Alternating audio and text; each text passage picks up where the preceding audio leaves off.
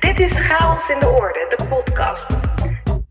Ik ben Rachel Levy en in deze podcast ga ik ontrafelen hoe we oude patronen kunnen doorbreken en hoe we meesters kunnen worden in creativiteit en innovatie. Een gebrek aan communicatie, vertrouwenskwesties, botsingen tussen verschillende persoonlijkheden, bijvoorbeeld mensen die altijd als eerste het woord krijgen en anderen die zich nooit gezien en gehoord voelen. Ja, teamsamenwerking gaat helaas niet vanzelf. Hoe vaak gebeurt het niet dat een team vastzit? Uh, bijvoorbeeld in zo'n eindeloze lus van miscommunicatie, waar iedereen zichzelf moet herhalen en anderen daar dan weer op moeten aanhaken, terwijl eigenlijk steeds maar weer dezelfde ideeën worden uitgewisseld, zonder echte vooruitgang. Of dat iedereen in het team braaf vergadering na vergadering bijwoont, zonder precies voor ogen te hebben wat daarmee het doel is. Waardoor iedereen het gevoel heeft dat er kostbare tijd verloren gaat. Dit soort patronen zijn helaas maar al te herkenbaar voor wie ooit in een team heeft gewerkt. Onnodig veel ruis. En dat gaat ten koste van de inhoudelijke ontwikkelingen waar een team aan wil werken. Mireille Beumer heeft 25 jaar ervaring in het werken met teams. Van consultant tot manager en teamfacilitator. En ze vergaarde vanuit al die perspectieven inzichten over de obstakels van teams. Ze vroeg zich af: wat als deze obstakels eigenlijk kansen zijn? Kansen om samenwerking te versterken, innovatie te stimuleren en teamdynamiek te verbeteren. Dit leidde tot haar eigen methode, de zeven bouwstenen voor succesvolle samenwerking. In deze aflevering duiken we in het thema van teamsamenwerking. We gaan in op Mireille's passie voor teams en hoor je wat jij zelf kunt met die zeven bouwstenen voor succesvolle samenwerking.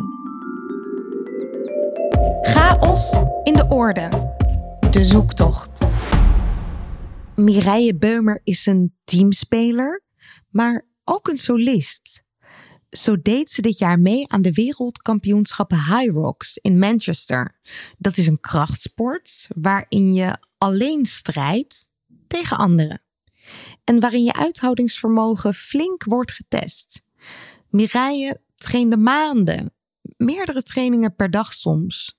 En uiteindelijk in Manchester de ultieme poging een solo-prestatie, maar zeker geen solo-ervaring. Natuurlijk, ze moest helemaal alleen de prestatie leveren, zelf het resultaat leveren, maar alleen, dat was ze niet. En dan hoor je uit de onverwachte hoek, hoor je, kom op, je kan het, je kan het. En dan kijk je om je heen en dan zie je een paar Nederlandse mensen staan die je de avond ervoor hebt, of Nederlandse deelnemers die je de avond ervoor hebt ontmoet, maar die pas smiddags uh, uh, hun wedstrijd moeten doen. Uh, die, die herkennen jou en die gaan jou dan aanmoedigen.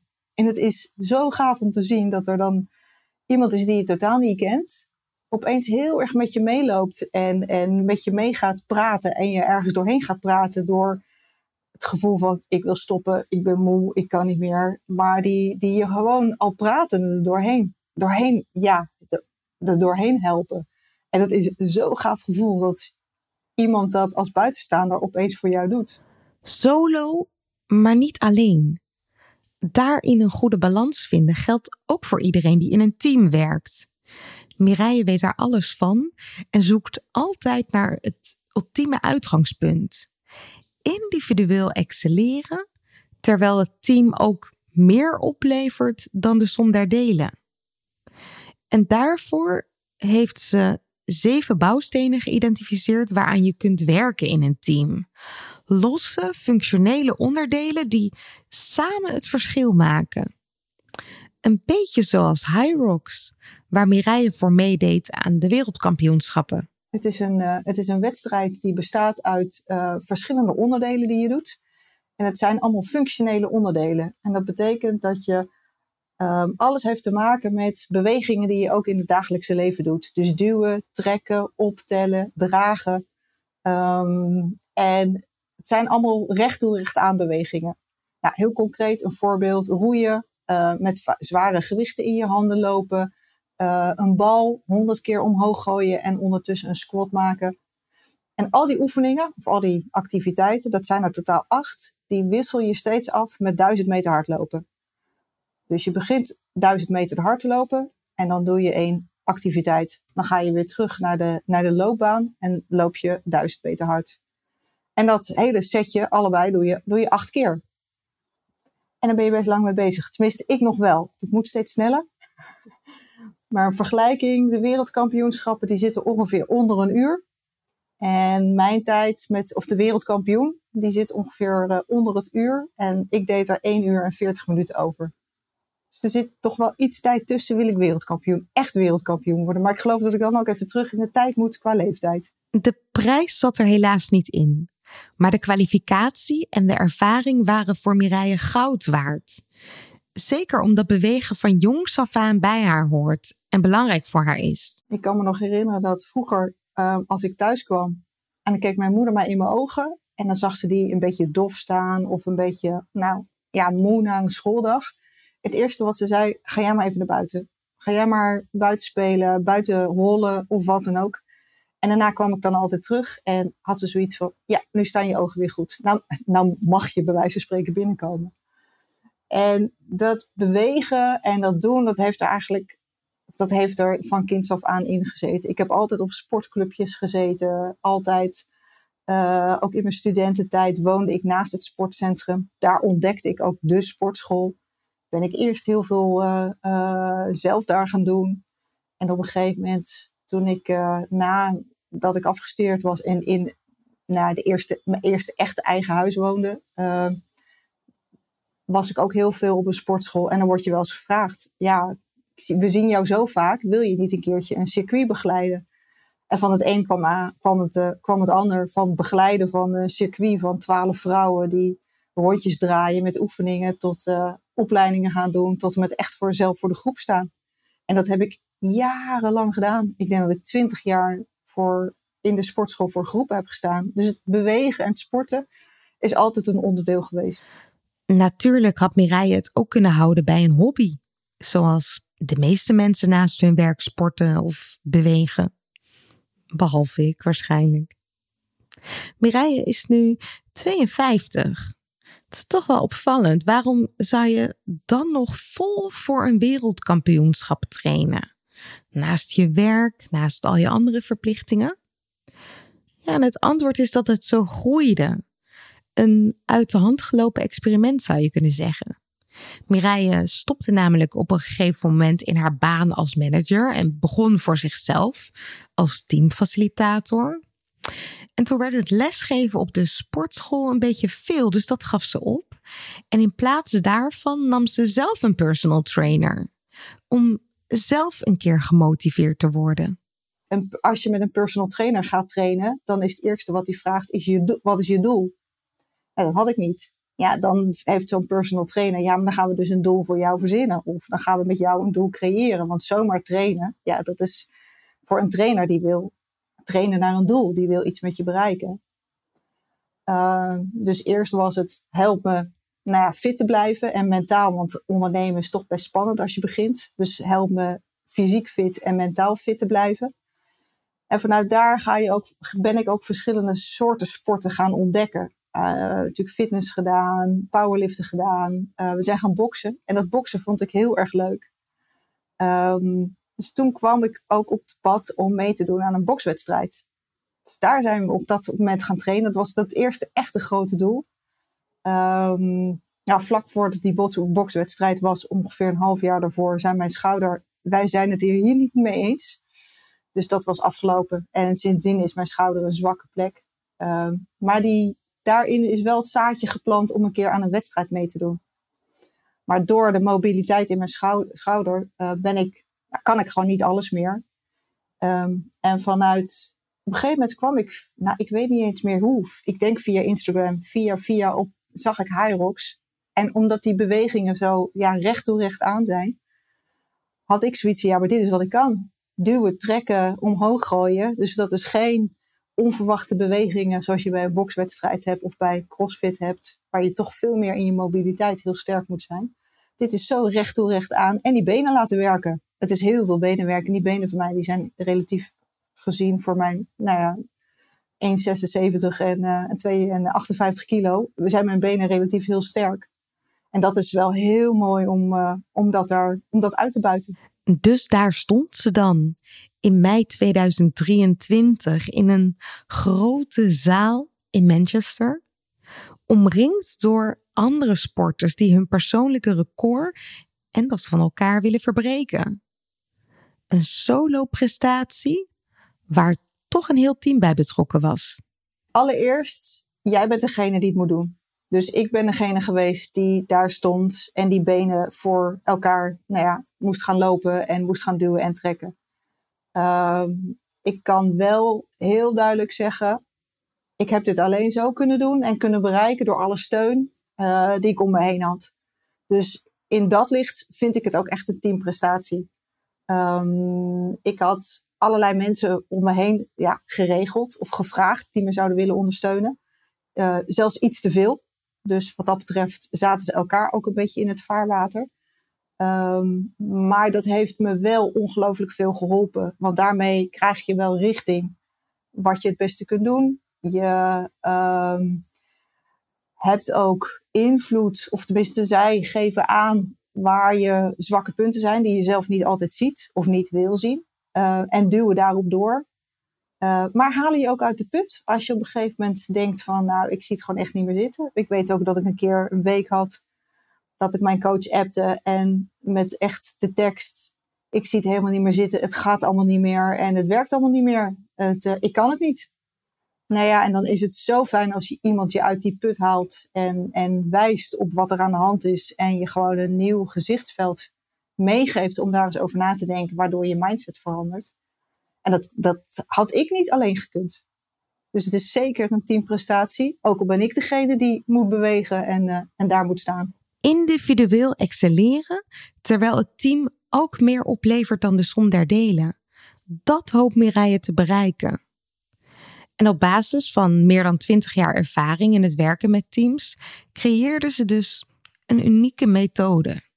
De zeven bouwstenen van succesvolle samenwerking. Dit zijn bouwstenen die relevant zijn om samenwerking beter, efficiënter, maar ook leuker, creatiever en makkelijker te maken. Een team dat alle zeven bouwstenen op orde heeft, zal meer ruimte ervaren om te leren, om ideeën uit te wisselen, om creativiteit in te zetten. Mireille is inmiddels zelf ook een echte teamspeler. Ze kent de waarde van goedlopende samenwerking. Ik ben het wel steeds meer geworden. Ja, ja. Ik denk dat uh, ik dat in het begin absoluut niet was. Dat ik zoiets had van, ik zoek het zelf wel uit. En uh, ik weet het zelf wel beter. Uh, maar ik weet gewoon niet alles. Er komen zoveel aspecten kijken bij samenwerking. Je moet individueel heel goed in staat zijn je bijdragen, je sterke punten, maar ook je zwakke punten te herkennen en te erkennen. En vervolgens moet je ook nog met elkaar zien samen te werken. En niet iedereen is zich altijd bewust van de veelheid van aspecten. Als ik kijk naar, naar mijn carrière en wat ik heb gedaan in het verleden, ik ben altijd degene geweest die mensen, teamleden bij elkaar bracht, brengt, die samen iets moeten doen die of samen een product moeten realiseren of gewoon samen een proces moeten doen wat, ze, ja, wat tot hun taak behoort. En bij dat samenwerken komen zo ontzettend veel verschillende aspecten kijken, dat um, het bewust worden van aan welke knoppen je kan draaien en aan welke knopje, knoppen je voor dit team moet draaien om effectiever te worden, constructiever te zijn, betere resultaten te boeken. Um, dat daar is niet iedereen zich bewust voor. En ik vind het heel erg mooi om met teams aan de slag te gaan en te laten zien hoe breed, breed dat spectrum is. En ook per team te kijken wat ieder team nodig heeft. Want wat voor het ene team nodig is, hoeft helemaal niet hetzelfde te zijn wat een ander team nodig heeft. Dat kan wel eens op een heel ander vlak liggen. Ook al lijkt het misschien aan de buitenkant dat het team op dezelfde manier functioneert of op dezelfde raak, op dezelfde vlakken uh, problemen ervaart. Geen team is hetzelfde. En ook elk team maakt verschillende fases door, waarin andere aspecten belangrijk kunnen zijn. En juist door die dynamische omstandigheden is het verstandig om heel regelmatig opnieuw te kijken naar de samenwerking. En daar is eigenlijk nooit het goede moment voor. Dus is het misschien wel altijd het goede moment. Laatst sprak ik iemand en die vroeg ook van, ja, over een paar maanden komt er bij ons weer een, twee nieuwe mensen. Moeten we niet daarop wachten op het moment dat we met het team aan de slag gaan? Ehm, maar ik denk dat juist ook in deze huidige tijdgeest, waarbij mensen toch regelmatig van baan wisselen, dat het er altijd een gegeven is. Dat er altijd in de tijd iemand weg kan gaan of een nieuw teamlid kan komen. Uh, dus je kan veel beter als voorbeeld als team bedenken hoe je daarmee omgaat. Hoe ga je ermee om op het moment dat een teamlid vertrekt? En hoe ga je om met de onboarding en de integratie van een nieuw teamlid? In plaats van we wachten tot we compleet zijn en dan doen we iets um, omtrent de samenwerking binnen ons team. Maar over een paar maanden is die situatie wellicht weer anders. Dat weet je nooit. Dit betekent dat samenwerking heel dynamisch is. Een methode moet dus ook heel dynamisch zijn, vindt Mireille. Ze gelooft niet in een vast stappenplan, maar bedacht zeven bouwstenen waarbinnen de verschillende aspecten meer of minder aandacht verdienen, afhankelijk van de specifieke context in een team. En hierin wordt ook rekening gehouden met de individuele behoeften in een team, want uiteindelijk is samenwerken ook het zien te verenigen of misschien wel overstijgen van individuele behoeften in een team. Verschillende mensen zullen verschillende antwoorden geven als je ze vraagt: wat is voor jou het belang van samenwerken? Als je die vraag zou stellen aan verschillende mensen, krijg je ook heel veel verschillende antwoorden. Ehm, en het grappige is, uh, wat is beter samenwerken voor jou? Dan gaan mensen ook heel vaak noemen wat er niet goed gaat in het team. Bijvoorbeeld, we werken op eilandjes. Of ik moet als manager heel veel trekken aan mijn team in vergaderingen. Of ze kijken altijd naar mij als leidinggevende. Dat zijn nou, uitspraken die, die best wel vaak voorkomen. Of we doen heel veel, maar draagt het allemaal bij aan het doel wat we hebben. Of we doen te veel, we zeggen geen nee. Dat is er ook eentje die heel vaak, uh, heel vaak komt. En het is als team heel erg. Het belang van samenwerken is door ook te kijken waar je naartoe wil als team. Wat zou je graag willen veranderen? Wat is je beeld van succes of wat is je toekomstperspectief? En dat hoeft niet altijd inhoudelijk te zijn, maar dat kan ook op het gebied van samenwerken zijn. En het is heel mooi om een keer in je team het gesprek te voeren. Wat verstaan wij onder beter samenwerken? Um, hoe ziet dat daar voor ons uit? En ik durf je op een blaadje te geven dat er dan zoveel verschillende interpretaties naar boven komen als je die vraag in een team stelt. Omdat iedereen weer vanuit een ander referentiekader kijkt. Het is wel zo, beter samenwerken, of tenminste elkaar beter weten te vinden en weten wat je kamer aan elkaar hebt. Als je met elkaar in een flow komt, ehm, dan zal je zien dat het werk ook prettiger verloopt. Met als gevolg dat iedereen ook lekkerder in zijn vel zit. Want dat heeft ook een wisselwerking op elkaar. Samenwerken kan heel veel verschillende betekenissen hebben, afhankelijk van aan wie je het vraagt en op welk moment. En dat mag ook, vindt Mireille. Het kan ook best afhankelijk zijn van het teamdoel.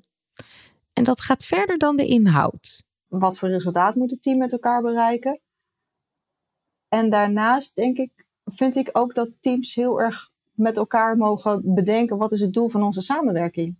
En hoe willen wij dat invullen? Vinden wij het belangrijk dat iedereen altijd overal van op de hoogte is? Of um, hoe vinden wij dat we besluiten met elkaar nemen? En die aspecten over niet alleen wat gaan we doen, dus de inhoud, we maken een strategie of we zijn heel goed in energietransitie of we zijn heel goed in zorg verlenen. Ik noem maar even wat, dat is echt het wat. Maar het hoe we dat gaan doen en hoe we dat met elkaar gaan doen, met name hoe we dat met elkaar gaan doen, daar wordt in teams nog nou, minder vaak over nagedacht. Want het gaat heel vaak over de inhoud. Meetings gaan heel vaak over de inhoud van het proces, over de inhoud van het werk. Maar niet minder vaak over hoe gaan wij deze klus met elkaar klaren. Teams schenken dus vaak wel tijd aan het bepalen van een gezamenlijk inhoudelijk doel, maar weinig tijd aan doelen voor de samenwerking en hoe die moet verlopen. Mireille begrijpt die valkuil.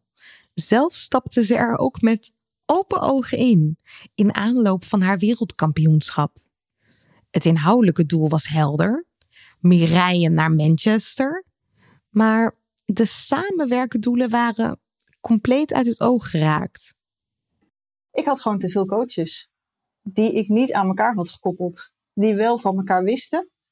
Uh, um, maar zie het maar dat, nou, als je mij dan de manager zou, uh, de rol van de manager zou geven, ik was degene die het dan vervolgens oploste. Heel praktisch in de praktijk, wat gebeurde er? Uh, ik had een eigen personal trainer waarmee ik in de sportschool trainde. Dus die zag mij echt fysiek. Uh, dus die kon ook heel erg bijsturen op mijn houding. Ik had een high rocks coach. Dus echt een coach gericht op de, op de kampioenschappen. Die heel veel van nou, de inhoud wist. Dus die gaf mij allemaal high rocks trainingen. Waar mijn, trainer, train, mijn personal trainer het niet altijd eens was. Die had een andere visie over hoe ik sterker kon worden. En ik had een hardloopcoach die er tussendoor nog aangaf: deze drie hardlooptrainingen uh, moet jij deze week doen. Maar kon het dus zo zijn, heel praktisch in de praktijk, dat ik op maandag trainde met mijn eigen personal trainer. Die keek naar het schema van mijn Hyros coach en vond dat daar iets anders in moest. Terwijl ik die zondagavond ervoor ook nog een hardlooptraining had gedaan, of die zondag ervoor. Dus dan stond ik met zware benen een training te doen, waarvan de een zei dat het anders moest. Ja, en dat moest ik aan elkaar, aan elkaar breien. Dus als, je, als ik het nu zo vertel, denk je, stommerd, waarom heb je dat niet goed geregeld? Ik had het gewoon niet goed geregeld. En ik vond het te spannend om nee te zeggen en anderen bij te sturen en ze aan elkaar te koppelen. Uh, dus wat deed ik? Ik loste het zelf op. Maar dat is me niet altijd ten goede gekomen. Praten over samenwerking kan best spannend zijn. Zeker als je weet dat iedereen met de beste intenties aan het werk is. En het voelt dan ongemakkelijk om er iets over te zeggen. Of een gedachte als: wie ben ik nou om dit aan te kaarten, kan zich opdringen. Een irrationele gedachte natuurlijk, zeker als je samenwerken als een functionele activiteit ziet.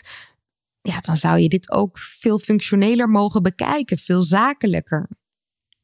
Mireille noemt dit het gevecht met de chimp, de chimpansee in ons.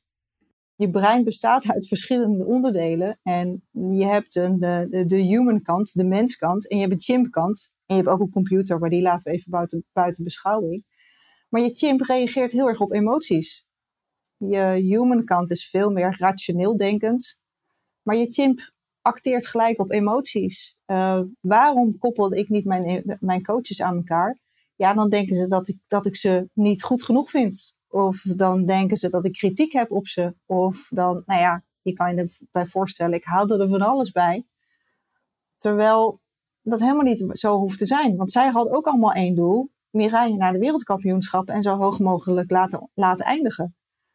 En als er iets anders nodig was om in het kader van dat doel te doen, dan hadden zij daar natuurlijk mee ingestemd. Alleen dat is de rationele kant.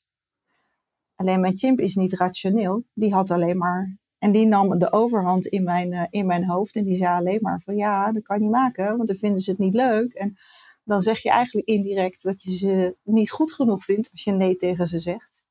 Terwijl als je het rationeel benadert, we hebben allemaal hetzelfde doel. Mireille naar de wereldkampioenschappen brengen en zo hoog mogelijk laten eindigen.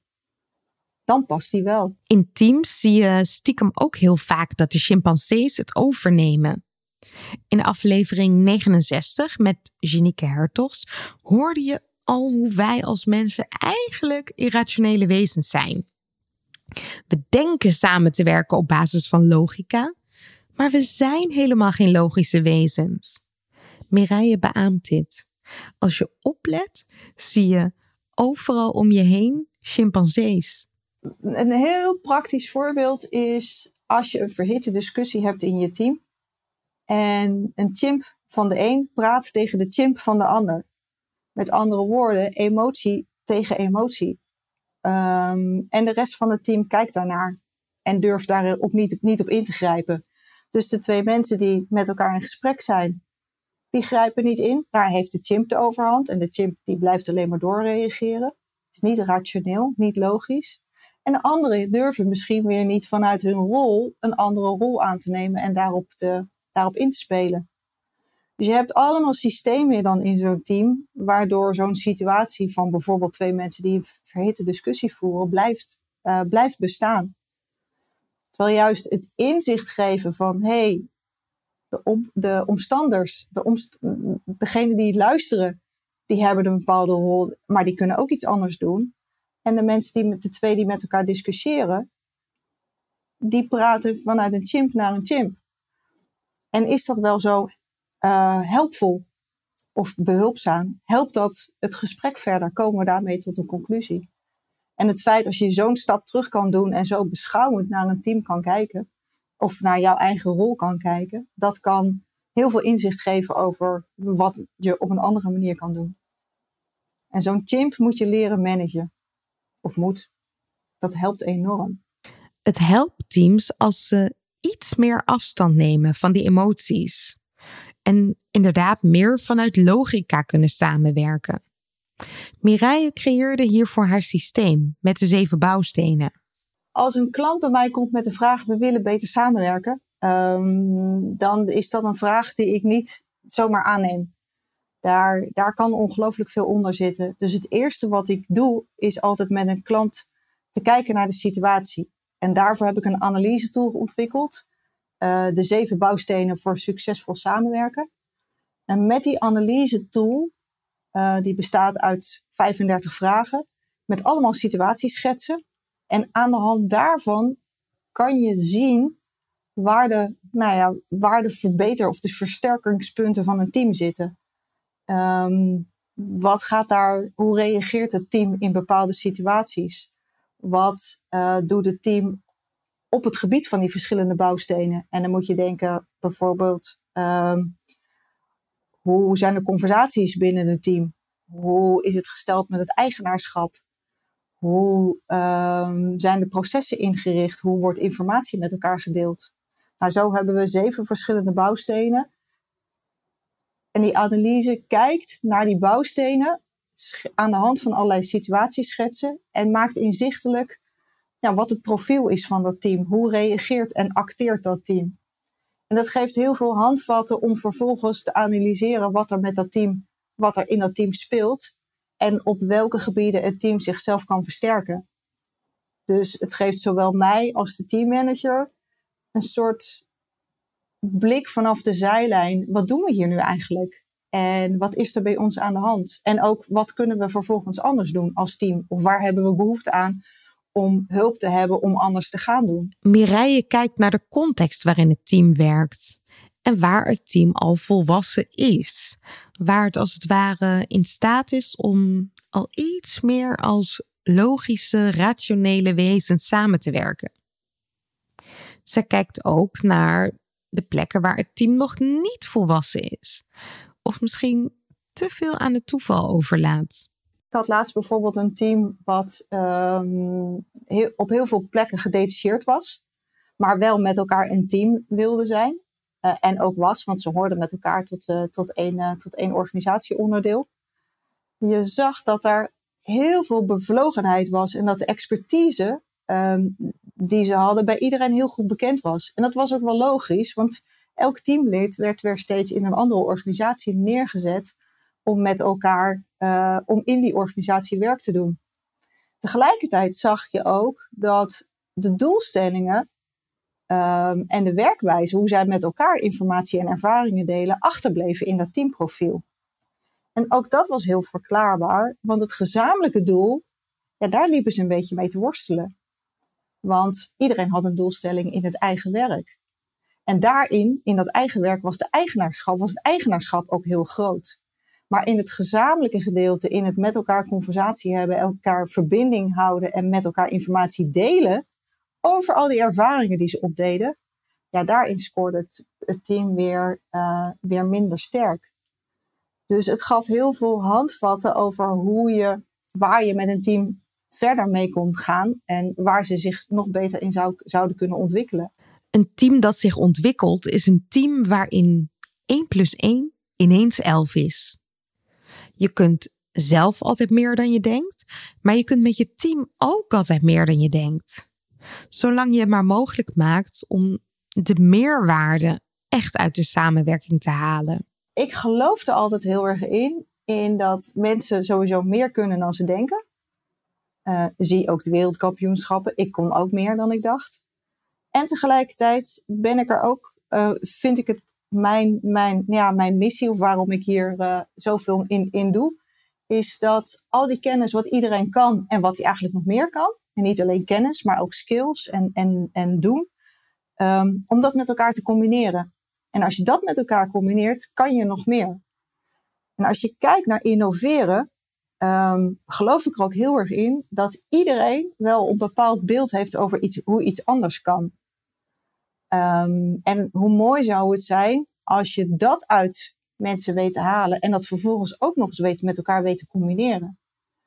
En daarmee een beweging in je, in organisatie in gang weet te zetten. Dus aan de ene kant kan jij als innovator, of als, als aan de ene kant kan jij als persoon die een changemaker is, kan jij um, heel erg degene zijn die mensen meeneemt. Maar aan de andere kant kan je ook heel erg zoeken naar waar kan ik stukjes kennis in mijn organisatie vandaan halen. En kan ik met elkaar combineren, zodat we met elkaar gaan, uh, gaan vliegen. En ik denk dat daar de kracht ook zit in samenwerken en innoveren.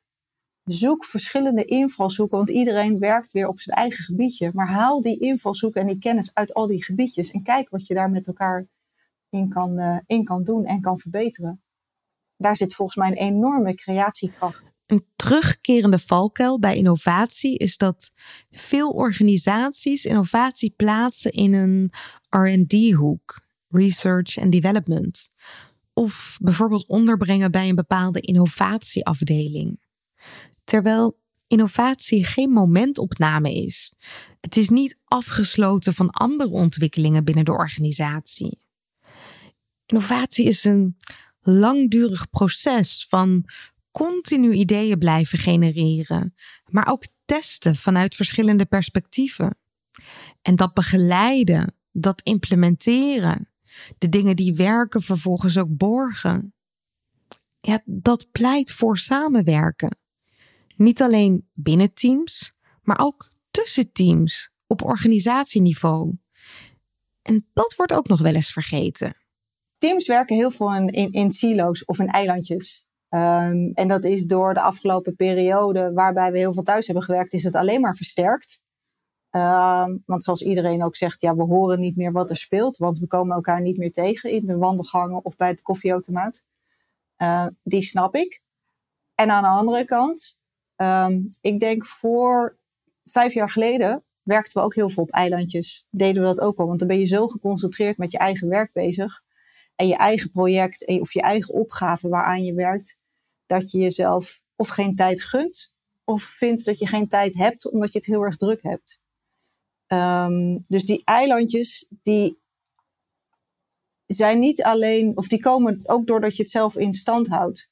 Op het moment dat je um, alleen als een keer een vraagstuk van jou, wat in jouw team speelt, leg die maar eens bij een ander team neer. En ook al zullen ze zeggen, ja, dat is ons expertisegebied niet, of nee, daar zijn wij niet van, dan zal je nog zien dat zij met een hele leuke invalshoek komen.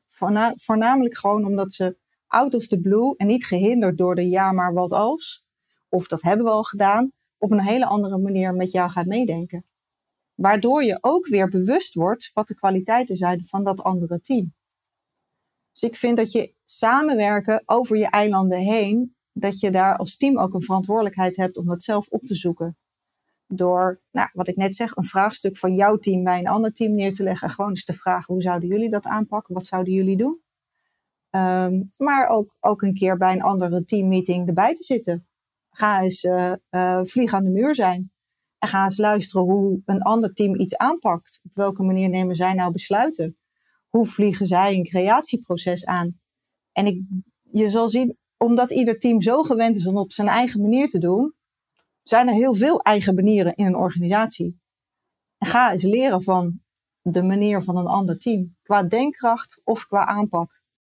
Een andere bekende valkuil in organisaties is dat de organisatietop een bepaalde visie heeft en dan vervolgens naar de managers kijkt om die visie tot leven te brengen. Ja, en daarbij wordt dan wel voorbij gegaan aan de enorme hoeveelheid waan van de dag waar een manager mee te maken heeft. Daar is hij tenslotte ook voor aangenomen. Innovatie onderbrengen bij managers is misschien niet het verstandigst. Maar die managers kunnen wel degelijk een belangrijke rol spelen. De manager in het kader van het eilandjes doorbreken is de manager degene die wel die het zeker niet moet gaan doen. Want daar heeft hij het inderdaad veel te druk voor. Of daar vindt hij dat hij het veel te druk voor heeft. Hij of zij is wel degene die het overzicht heeft van wat er allemaal speelt in de rest van de organisatie. Althans, meer dan, of vaker is dat meer dan de teamleden. Dus hij, de manager kan wel de persoon zeggen die tegen jou in het team zegt van ga jij eens daar kijken en ga jij eens daar kijken. Dus hij kan wel als een soort netwerker en verbinder teams en zijn teamleden aan elkaar verbinden. Uh, het zij, ga eens kijken bij elkaar, ga eens met elkaar praten, koffie drinken of wat dan ook. Dus ik denk dat daar um, qua verbindende innovatierol een rol voor de manager ligt. Ten aanzien van het samenwerken aan zich, um, vind ik dat, of zie ik heel erg, en dat is mijn mening, dat een manager heel vaak vindt dat hij dat op moet lossen. Terwijl mijn mening is dat iedereen daar een rol in heeft. Want samenwerken, ik bedoel, er zit niet voor niks het woord samen in. Dat kan de manager niet alleen trekken. Tuurlijk, hij kan richting geven en kaders scheppen. Maar in het versterken of het verbeteren van de samenwerking in je team heeft iedereen een rol. Dus dat is iets waar iedereen zich bewust van moet zijn en iedereen iets in, aan kan veranderen. Niet alleen de manager. Die, die, maar op het moment dat jij ergens een tegenbeweging maakt in een meeting, of juist zegt dat je ergens iets heel erg mee eens bent, of iemand een enorm compliment geeft, dan zet jij al de toon voor een bepaalde manier van samenwerken. Maar dan moet je dat wel doen en niet afwachtend zijn en kijken naar de manager. Dus ik vind in het verbeteren of versterken van de samenwerking heeft ieder teamlid, en zeker niet alleen de manager, maar heeft ieder teamlid een rol laten we ervan uitgaan dat jij in een team werkt en misschien wel een team aanstuurt. Dan ben je natuurlijk heel nieuwsgierig geworden naar die zeven bouwstenen van Mireille voor succesvolle samenwerking. Ik ben benieuwd of je zaken herkent waar het nu in jouw team schuurt of juist supergoed gaat. De eerste bouwsteen noemt Mireille het fundament. Een team zonder fundament kan eigenlijk niet bestaan. Als het hier al rammelt, moet je eigenlijk weer bij nul beginnen. Wat is het doel van onze organisatie? Wat is de strategie? Dus je zou dat kunnen zien als de harde elementen. Waar gaan we naartoe? Uh, hoe richten we bepaalde elementen in? Uh, maar denk daarbij ook aan hoe werken we samen. Dus niet alleen het wat-doel, het inhoudelijke doel, maar ook het hoe-doel. Hoe gaan we dat ook daadwerkelijk doen? Klinkt logisch en zo bazaal. Een gezamenlijk doel hebben, dat moet toch op zijn minst lukken. Maar in praktijk kan toch iedereen hier anders naar kijken. Misschien in jouw team ook wel.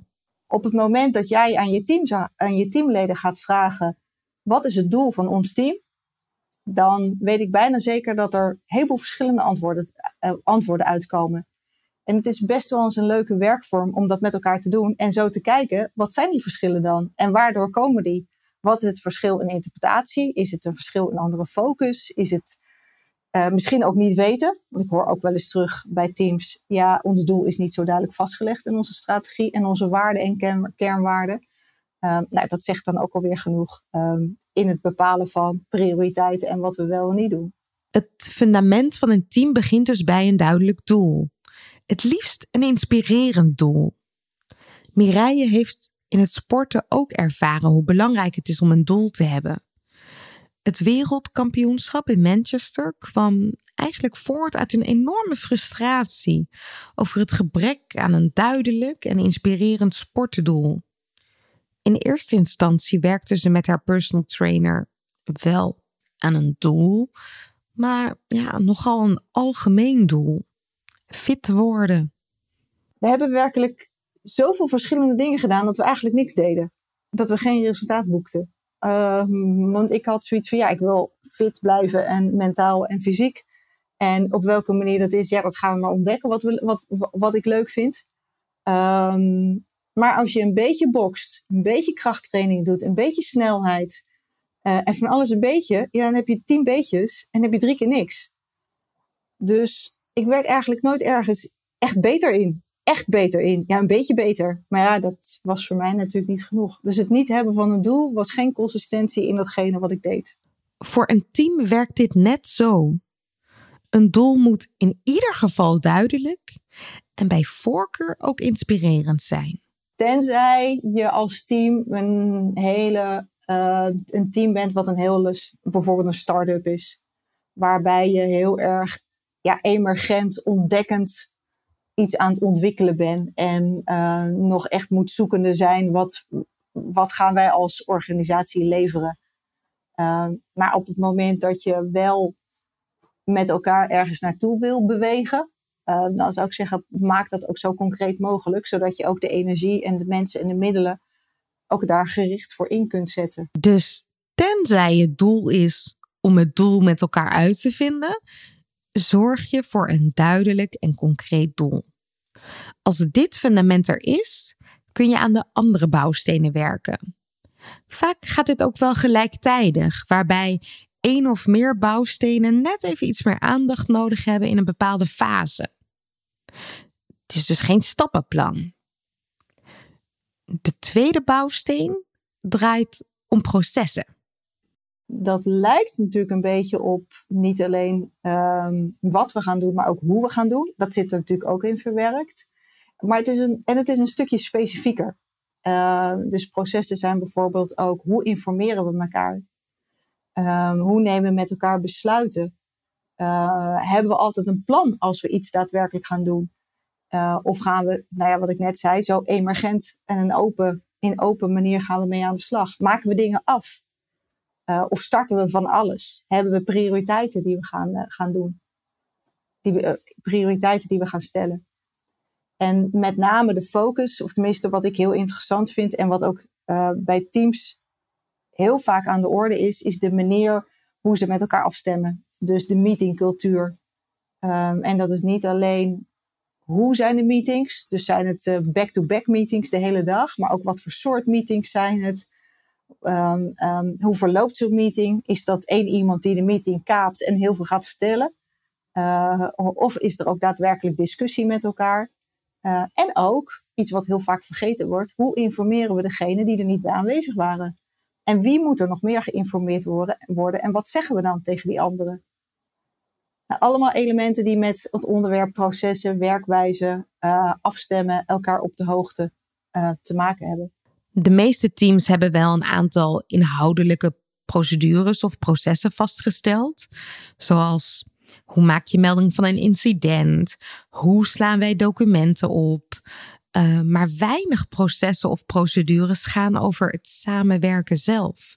Zaken zoals hoe nemen wij als team een besluit? Wat doen we dan? Ja, en ik denk dat de teams ook heel snel denken dat ze het voldoende uitgedacht hebben, een proces. Uh, dus bijvoorbeeld, we nemen een besluit tegen vastgestelde criteria. En we besluiten met elkaar en de meeste stem gelden. Oké, um, wie stelt die criteria dan op? Um, nemen we ook andere partijen mee die dat beïnvloed wordt? Uh, hoe gaan we dan als een besluit bijgesteld moet worden? Hoe gaan we daar dan om? Komen er dan nieuwe criteria?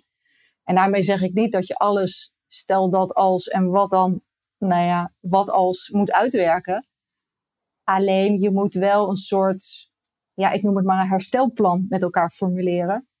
Over wat je doet als het anders loopt of wat je exact doet. Want heel vaak, toets ook hierbij eens een keer als je een proces hebt beschreven, zo gaan we het doen. Toets maar eens in de praktijk bij iedereen, hoe interpreteer jij dit? Wat gaat er dan volgens jou gebeuren? En schets maar een specifieke situatie en vraag dan maar, wat zou er in deze situatie gebeuren? En ook daar krijg je verschillende interpretaties uit. Als je geen afspraken maakt over processen die plaatsvinden in de samenwerking zelf, kunnen rare situaties ontstaan. Bijvoorbeeld een projectteam dat maandenlang met elkaar plannen voorbereidt en ineens wordt overvallen doordat het management precies de andere kant op besluit. Of dat de stem van de snelste telt, terwijl andere perspectieven niet worden gehoord. En het effect daarvan is frustratie.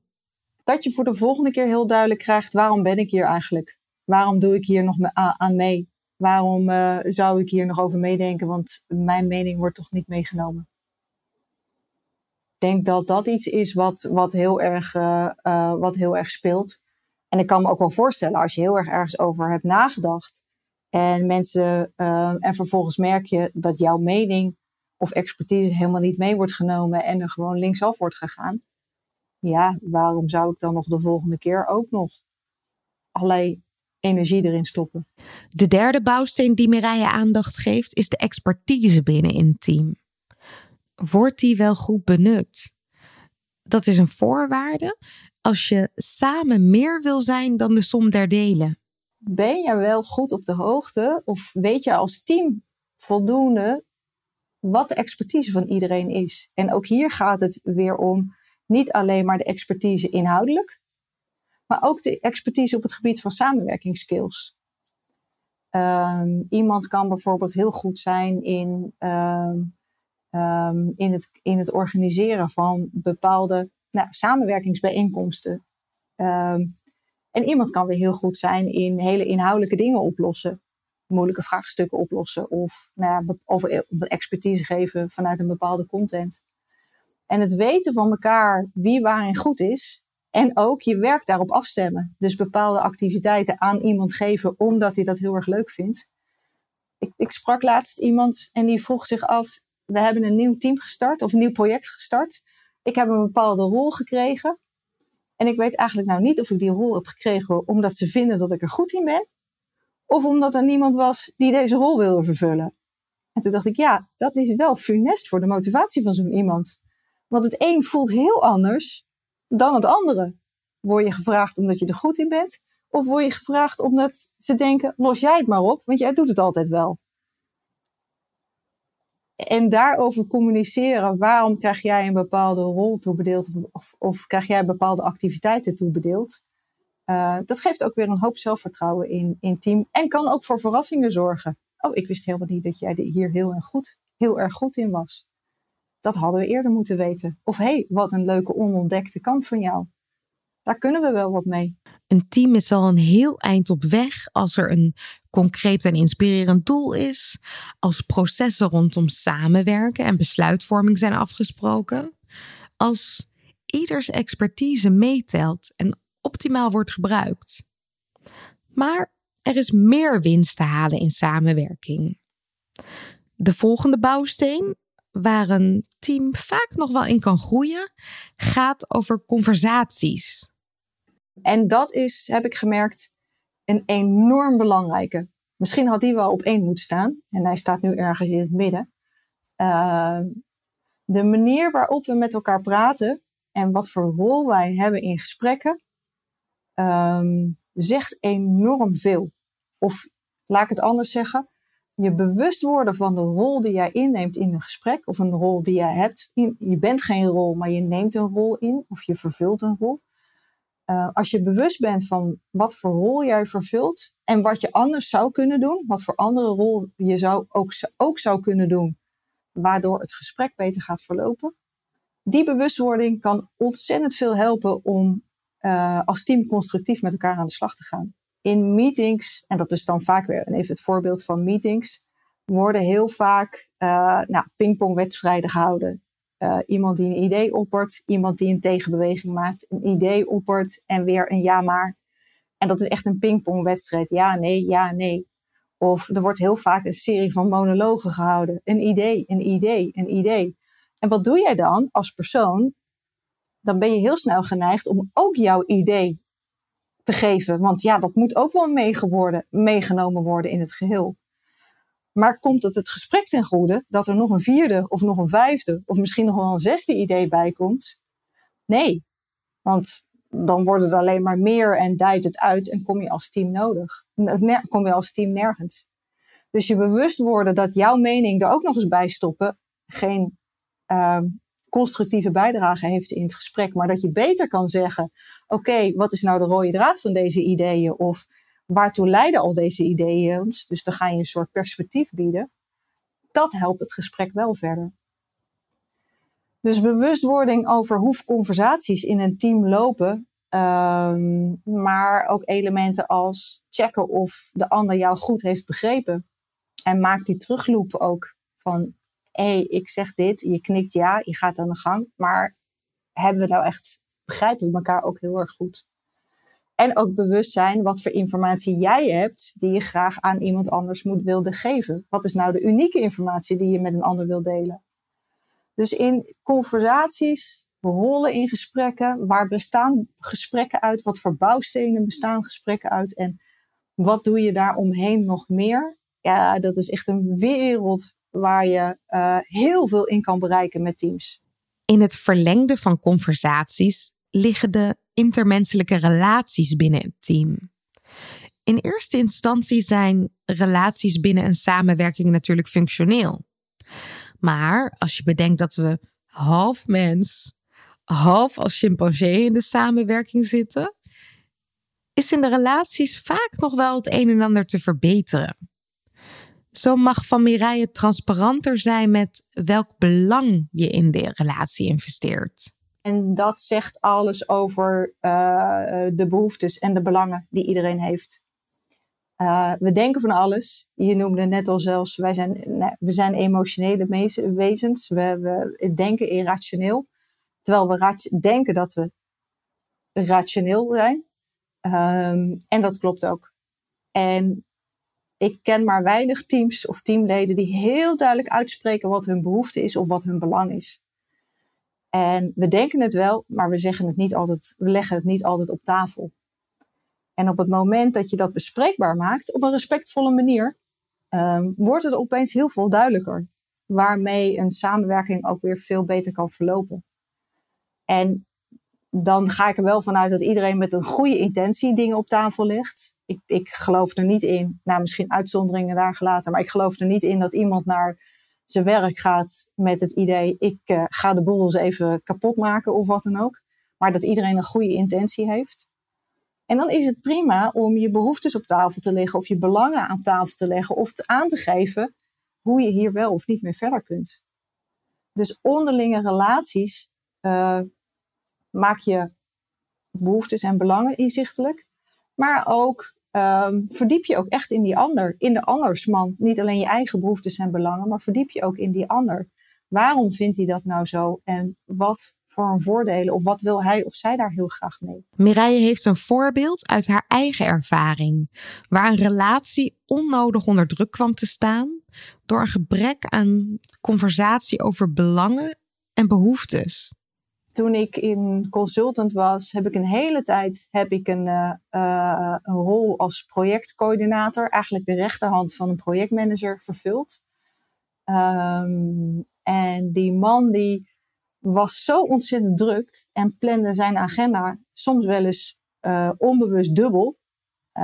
dus dat hij zoveel te doen had, dat ik vanaf de zijlijn heel veel zag wat er gebeurde en wat er ook mis kon gaan en wat er vervolgens ook misging. Uh, maar daar niet de ruimte voor voelde om daarop in te grijpen. Ik voelde niet de ruimte, dus ik deed het niet. Maar kon het ook niet bij hem kwijt, omdat hij zo ontzettend druk was. Terwijl ik wel heel veel dingen ook hoorde in de wandelgangen, waar hij ook weer geen tijd had, maar wel hoorde waarvan ik dacht, hé, hey, daar moeten we wat mee, want als we dit niet weten, dan hebben we daar en daar later een probleem. Dus ik was eigenlijk het soort onderkruipseltje wat een beetje in de organisatie rondliep. Heel veel hoorde, heel veel zag. Overal mijn voelsprieten had, want ik regelde alles. Dus ik kwam ook overal. Alleen, ik kwam niet door mijn rechterhand heen. Ehm, en ik denk als ik dat veel duidelijker had gemaakt en ook aan had gegeven wat het belang voor hem daar was, voor was en voor het project was, dat het heel anders was. Maar ik vond het toch wel heel spannend om in zijn drukke agenda, om daar een plek in te nemen en uh, mijn rol te pakken. Um, en ik denk als ik dat wel had gedaan, dat dat best wel wat gedoe had geschild in het hele project en in de samenwerking. Bij de relatie met je collega's denk je misschien aan de lieve vrede bewaken in het team. Maar dat kan ook giftig uitpakken, omdat je elkaar niet aanspreekt of bevraagt. Zakelijk zijn betekent je belangen en behoeftes op tafel leggen, omdat dit je verder brengt richting het resultaat. En daarmee kan iemand wel pijn voelen of denken van, hm, dit vind ik minder leuk. Maar ja, dat hoort ook een beetje bij het leven. Je merkt het. We zijn aanbeland bij bouwstenen die een hogere mate van volwassenheid vragen van de teamleden. Als je erin slaagt om die bouwstenen ook aandacht te geven, kan een team zichzelf echt gaan overstijgen. Hier vindt actief leren en ontwikkelen plaats. Binnen zo'n team past ook dat mensen eigenaarschap nemen. Dit is de zesde bouwsteen. Heel vaak wordt er gezegd: mensen knikken ja en doen nee. Uh, mensen zeggen dat ze iets doen, gaan het niet doen, uh, komen hun afspraken niet na, zijn niet proactief, pakken niets op. Um, en eigenaarschap is er natuurlijk eentje die op een bepaalde manier uh, gevoeld wordt. En het is ook iets wat heel erg lastig aanspreekbaar is, of bespreekbaar is. Want je moet mensen dan op zo'n moment wil je feedback geven, ergens op aanspreken. Nou, dan vindt iedereen het al heel snel heel lastig. Maar het is wel een hele mooie exercitie om eens met je team um, het uh, model te bespreken van hey, hoe ziet gedrag er voor ons uit als we eigenaarschap tonen? Wat doen we dan? Hoe ziet er dat dan voor, voor ons uit? En wat zien we dan terug in het team? En wat zeggen we dan? Of wat pakken we op? En wat, wat voor resultaten bereiken we dan? Zonder dat aan te wijzen, jij, bent jij doet het wel of jij doet het niet. Maar ook de andere kant van die cirkel, zie het maar als een acht. Het ene deel van de acht beschrijf je het gedrag wat eigenaarschap is. En de andere deel beschrijf je wat er gebeurt als iemand, als mensen geen eigenaarschap tonen. Wat voor gedrag zie je dan? En uh, wat, voor, wat gebeurt er dan in het team? En wat voor resultaten worden er dan wel of niet bereikt? Het mooie is als je die twee gedragingen tegenover elkaar zet. En dat eigenlijk in staps, je kan daar allemaal stapjes in onderkennen. Eerst gebeurt er dit en dan gebeurt er dat en dan gebeurt er dat. En als je dat voor beide elementen wel eigenaarschap tonen en niet eigenaarschap tonen, dan uh, en met elkaar bespreekt wat je dan ziet, dan kan je daar ook een element uithalen van hé, hey, en wat gaan we daar nou aan doen op het moment dat we dat zien, dat iemand dat doet? Wat voor, uh, ja, wat voor acties doen we dan? Of wat zeggen we dan tegen iemand? Of uh, wat, waar kan jij dan zelf over nadenken?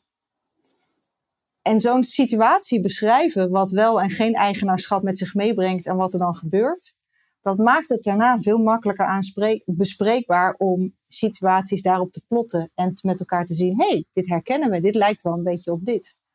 Uh, is dat ook daadwerkelijk zo? Dus het nemen van eigenaarschap is een heel belangrijk onderdeel. En je kan het ook op een neutrale manier bespreken zonder dat enge. Ik geef jou feedback en ik zeg dat ik vind dat jij niet proactief bent, bijvoorbeeld. Eigenaarschap moet je nemen, maar soms ook bewust uit handen durven geven. Als je dat namelijk te weinig doet, kunnen anderen haast geen eigenaar zijn.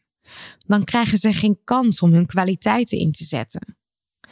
En dat was een van de uitgangspunten van de methode van Mireille. Individueel excelleren, terwijl het team ook meer oplevert dan de som der delen.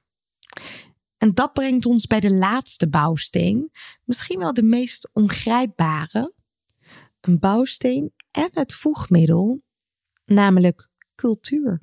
En als je dat zegt, dan gaat iedereen van alles denken, omdat cultuur natuurlijk een onderwerp is wat de laatste, nou, in deze deze maatschappelijke tijd heel erg besproken wordt.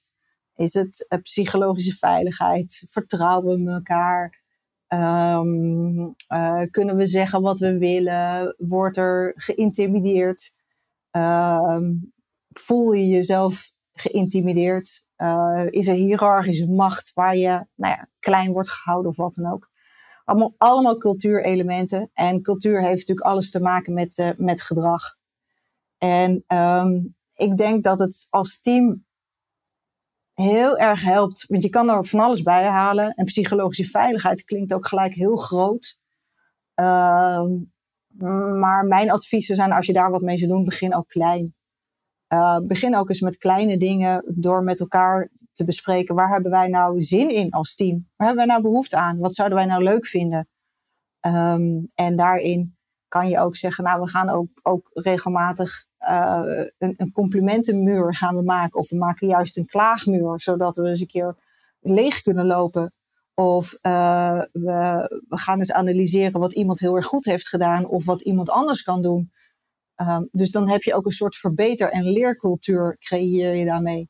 Dus, dus bedenk ook met je team, bespreken wat hebben, waar hebben wij nou gewoon zin in? En dat is een hele enorme, eenvoudige vraag. En ik denk als je die vraag al in je team stelt, Waar hebben wij nou zin in?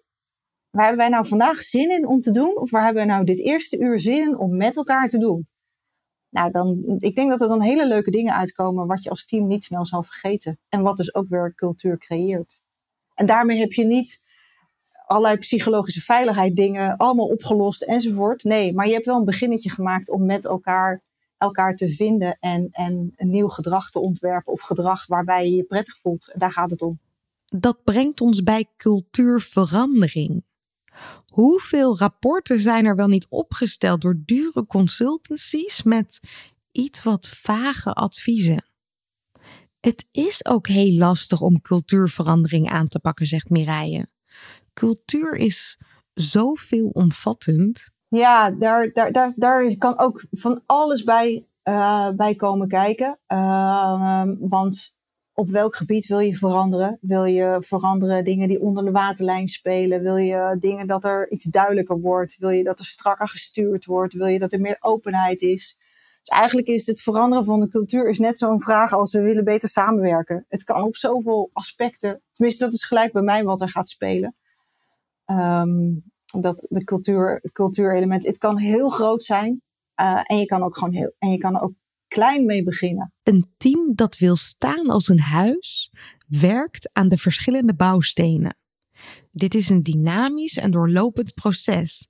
En ja, dat vraagt tijd en aandacht.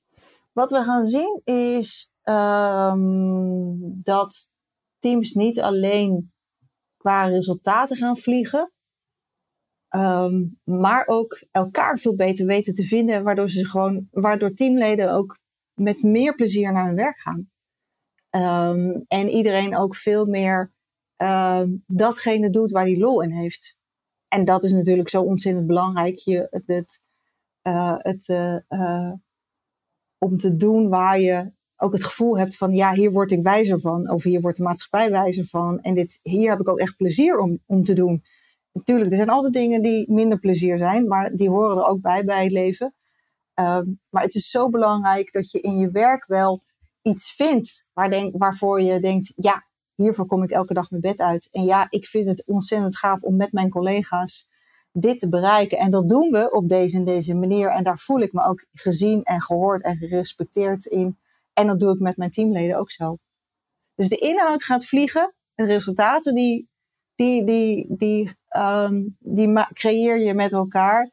En je creëert ook een, ja, een samenwerkingscultuur waarbij, je, uh, uh, waarbij iedereen het op een hele prettige manier met elkaar aan het werk is.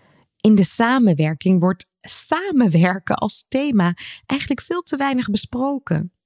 En er valt zoveel winst te halen als teams dat wel gaan doen. Dan blijft niet alleen het doel van de samenwerking voor ogen, maar ook de kwaliteit van de samenwerking. Een team met een stevig fundament, goedlopende processen en volwassen vaardigheden op het gebied van conversaties, relaties eigenaarschap, dat dat team gaat vliegen. Dat creëert een positieve open cultuur waarbinnen bijvoorbeeld innovatie veel beter gedijt.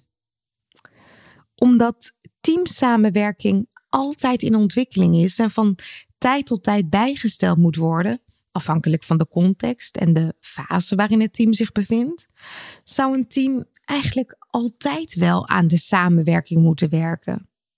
Niet alleen op inhoud dus, maar ook aan al die andere aspecten. Zodat uiteindelijk efficiënter, leuker en makkelijker aan de inhoud kan worden gewerkt. Met als resultaat meer impact. Mireille gaat dit jaar opnieuw samenwerken aan haar persoonlijke doel. Want ze heeft in haar afgelopen kampioenschap High Rocks mooi gepresteerd. En ik heb ook wat foutjes gemaakt tijdens het kampioenschap zelf. Ehm, daar heb ik ook heel veel van geleerd. Ehm, en dat heeft er wel toe geleid dat het smaakt naar meer. Dus uh, ik sta nu op de 21ste plaats van de wereld in mijn, in mijn leeftijdsklasse. Die, die randvoorwaarden geef ik er gelijk bij. Um, en nou, dat is een hele mooie prestatie. En er zijn. Ik bedoel, eerste, eerst, eerste zal ik nooit worden. En bij de top drie zal ik ook nooit komen. En dat hoeft ook niet. Maar de top 10, die uh, longt toch wel. Um, dus we gaan volgend jaar gaan we weer opnieuw het hele proces in. En dat betekent dat ik al op dit moment, het is nu uh, uh, half juni, langzaam aanga naar de voorbereiding voor de eerste wedstrijd eind september. Om me te kwalificeren voor het wereldkampioenschappen voor volgend jaar. Alleen dit keer met één coach en geen trainer, geen personal trainer. Dus die randvoorwaarden heb ik al gelijk, de omgeving heb ik al gelijk aan veranderd. Dat leerpunt heb ik al gelijk door, doorgevoerd. Chaos in de orde de zoektocht. Als je wil werken aan de samenwerking met je team, is het best kwetsbaar. Je kan je soms wat verlamd voelen of afhankelijk van anderen. Maar we zouden chaos in de orde niet zijn als we niet ook zouden kijken wat je zelf kunt doen om het heft in eigen handen te nemen. En dat kun je natuurlijk altijd. Door zelf alvast de verandering te zijn die je in je omgeving wil zien. Zo kun jij een rolmodel zijn en met jouw gedrag inspirerend voor anderen. Dus laten we de zeven bouwstenen nog even toepassen op jezelf. Dit is wat je kunt doen. 1. Ten aanzien van het fundament. Je kunt bijvoorbeeld zelf een keer het doel van jullie team, zoals jij dit ziet, uittekenen. Ja, in een tekening dus. Presenteer jouw tekening een keer in het team en stel de vraag: zien jullie dit ook zo? Of heb ik iets belangrijks gemist? Zo breng je heel subtiel het gesprek op gang over jullie doelen en jullie waarden. 2. Ten aanzien van processen en werkwijzen. Zorg ervoor dat jij duidelijk bent over je eigen werkprocessen. Bijvoorbeeld dat je voor de lunch niet reageert op mail, omdat je dan aan je inhoudelijke taken werkt. Of dat je bijvoorbeeld niet aansluit bij een vergadering als het doel van jouw bijdrage onduidelijk is. Hoe duidelijker jij bent, hoe prettiger voor anderen. En bovendien kan jouw aanpak zomaar eens inspirerend zijn. Bouwsteen 3 ging over expertise en talenten. En zet dus bewust één kwaliteit of één vaardigheid in de etalage die misschien nu nog niet zo goed tot zijn recht komt. Geef bijvoorbeeld eens aan, volgende keer dat taak X voorbij komt, denk dan zeker even aan mij, want niet veel mensen weten het, maar ik ben hier heel goed in en ik vind het heel leuk. Is dat ongemakkelijk? Ja, misschien wel, maar het is wel de manier om gezien te worden met jouw kwaliteiten. De vierde bouwsteen ging over conversaties. En betere conversaties beginnen bij minder zeggen en actiever luisteren. Ja, dus dit is misschien lastig, maar probeer het volgende overleg eens op je handen te zitten en minder te zeggen. je mag wel vragen stellen om anderen beter te begrijpen. Zo oefen je eigenlijk zelf met communicatie die minder gebaseerd is op wie het hardst of wie het snelst roept. De vijfde bouwsteen ging over relaties. En je meest directe invloed heb je op de relaties met mensen die actief met jou samenwerken. En vraag nou eens als je durft, proactief om feedback. Begin eens met één persoon. Stel eens de vraag: hoe ervaar jij onze samenwerking? Wat kan ik doen om onze samenwerking te verbeteren? En incasseer dan die feedback zonder in verweer te gaan, zonder jezelf uit te leggen. Luister en bedenk: hoe kan ik hiervan groeien? De zesde bouwsteen ging over eigenaarschap. Nou ja, dit is redelijk voor de hand liggend, maar neem altijd verantwoordelijkheid voor je eigen taken en je eigen deadlines. En gooi die nou niet zonder toestemming van een ander over de schutting. Want daardoor verstoor je eigenlijk het ritme van die ander en je voorkomt dat die toekomt aan zijn eigen inhoudelijke taken. Dus als het niet hoeft, gooi niet zomaar iets over de schutting. En tot slot, ja, cultuur. Draag bij aan de cultuur die je zelf graag wil zien door daarin voorop te lopen. Wil jij meer creativiteit? Doe dan ook meer creatieve dingen in je aanpak. Wil jij een motiverende sfeer? Geef dan zelf actief aanmoedigingen en complimenten. Door de bouwstenen op jezelf toe te passen, geef je het goede voorbeeld en inspireer je anderen om diezelfde positieve benadering in de samenwerking vorm te geven.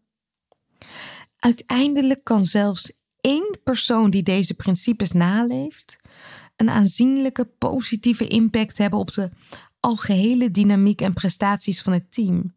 Want energie is echt besmettelijk. Ben je nieuwsgierig geworden naar de teamanalyses die Mireille maakt en wil je zelf zo'n analyse voor je team? Dat kan zelfs kosteloos. Kijk dan op mireillebeumer.nl slash analyse. Creativiteit, innovatie.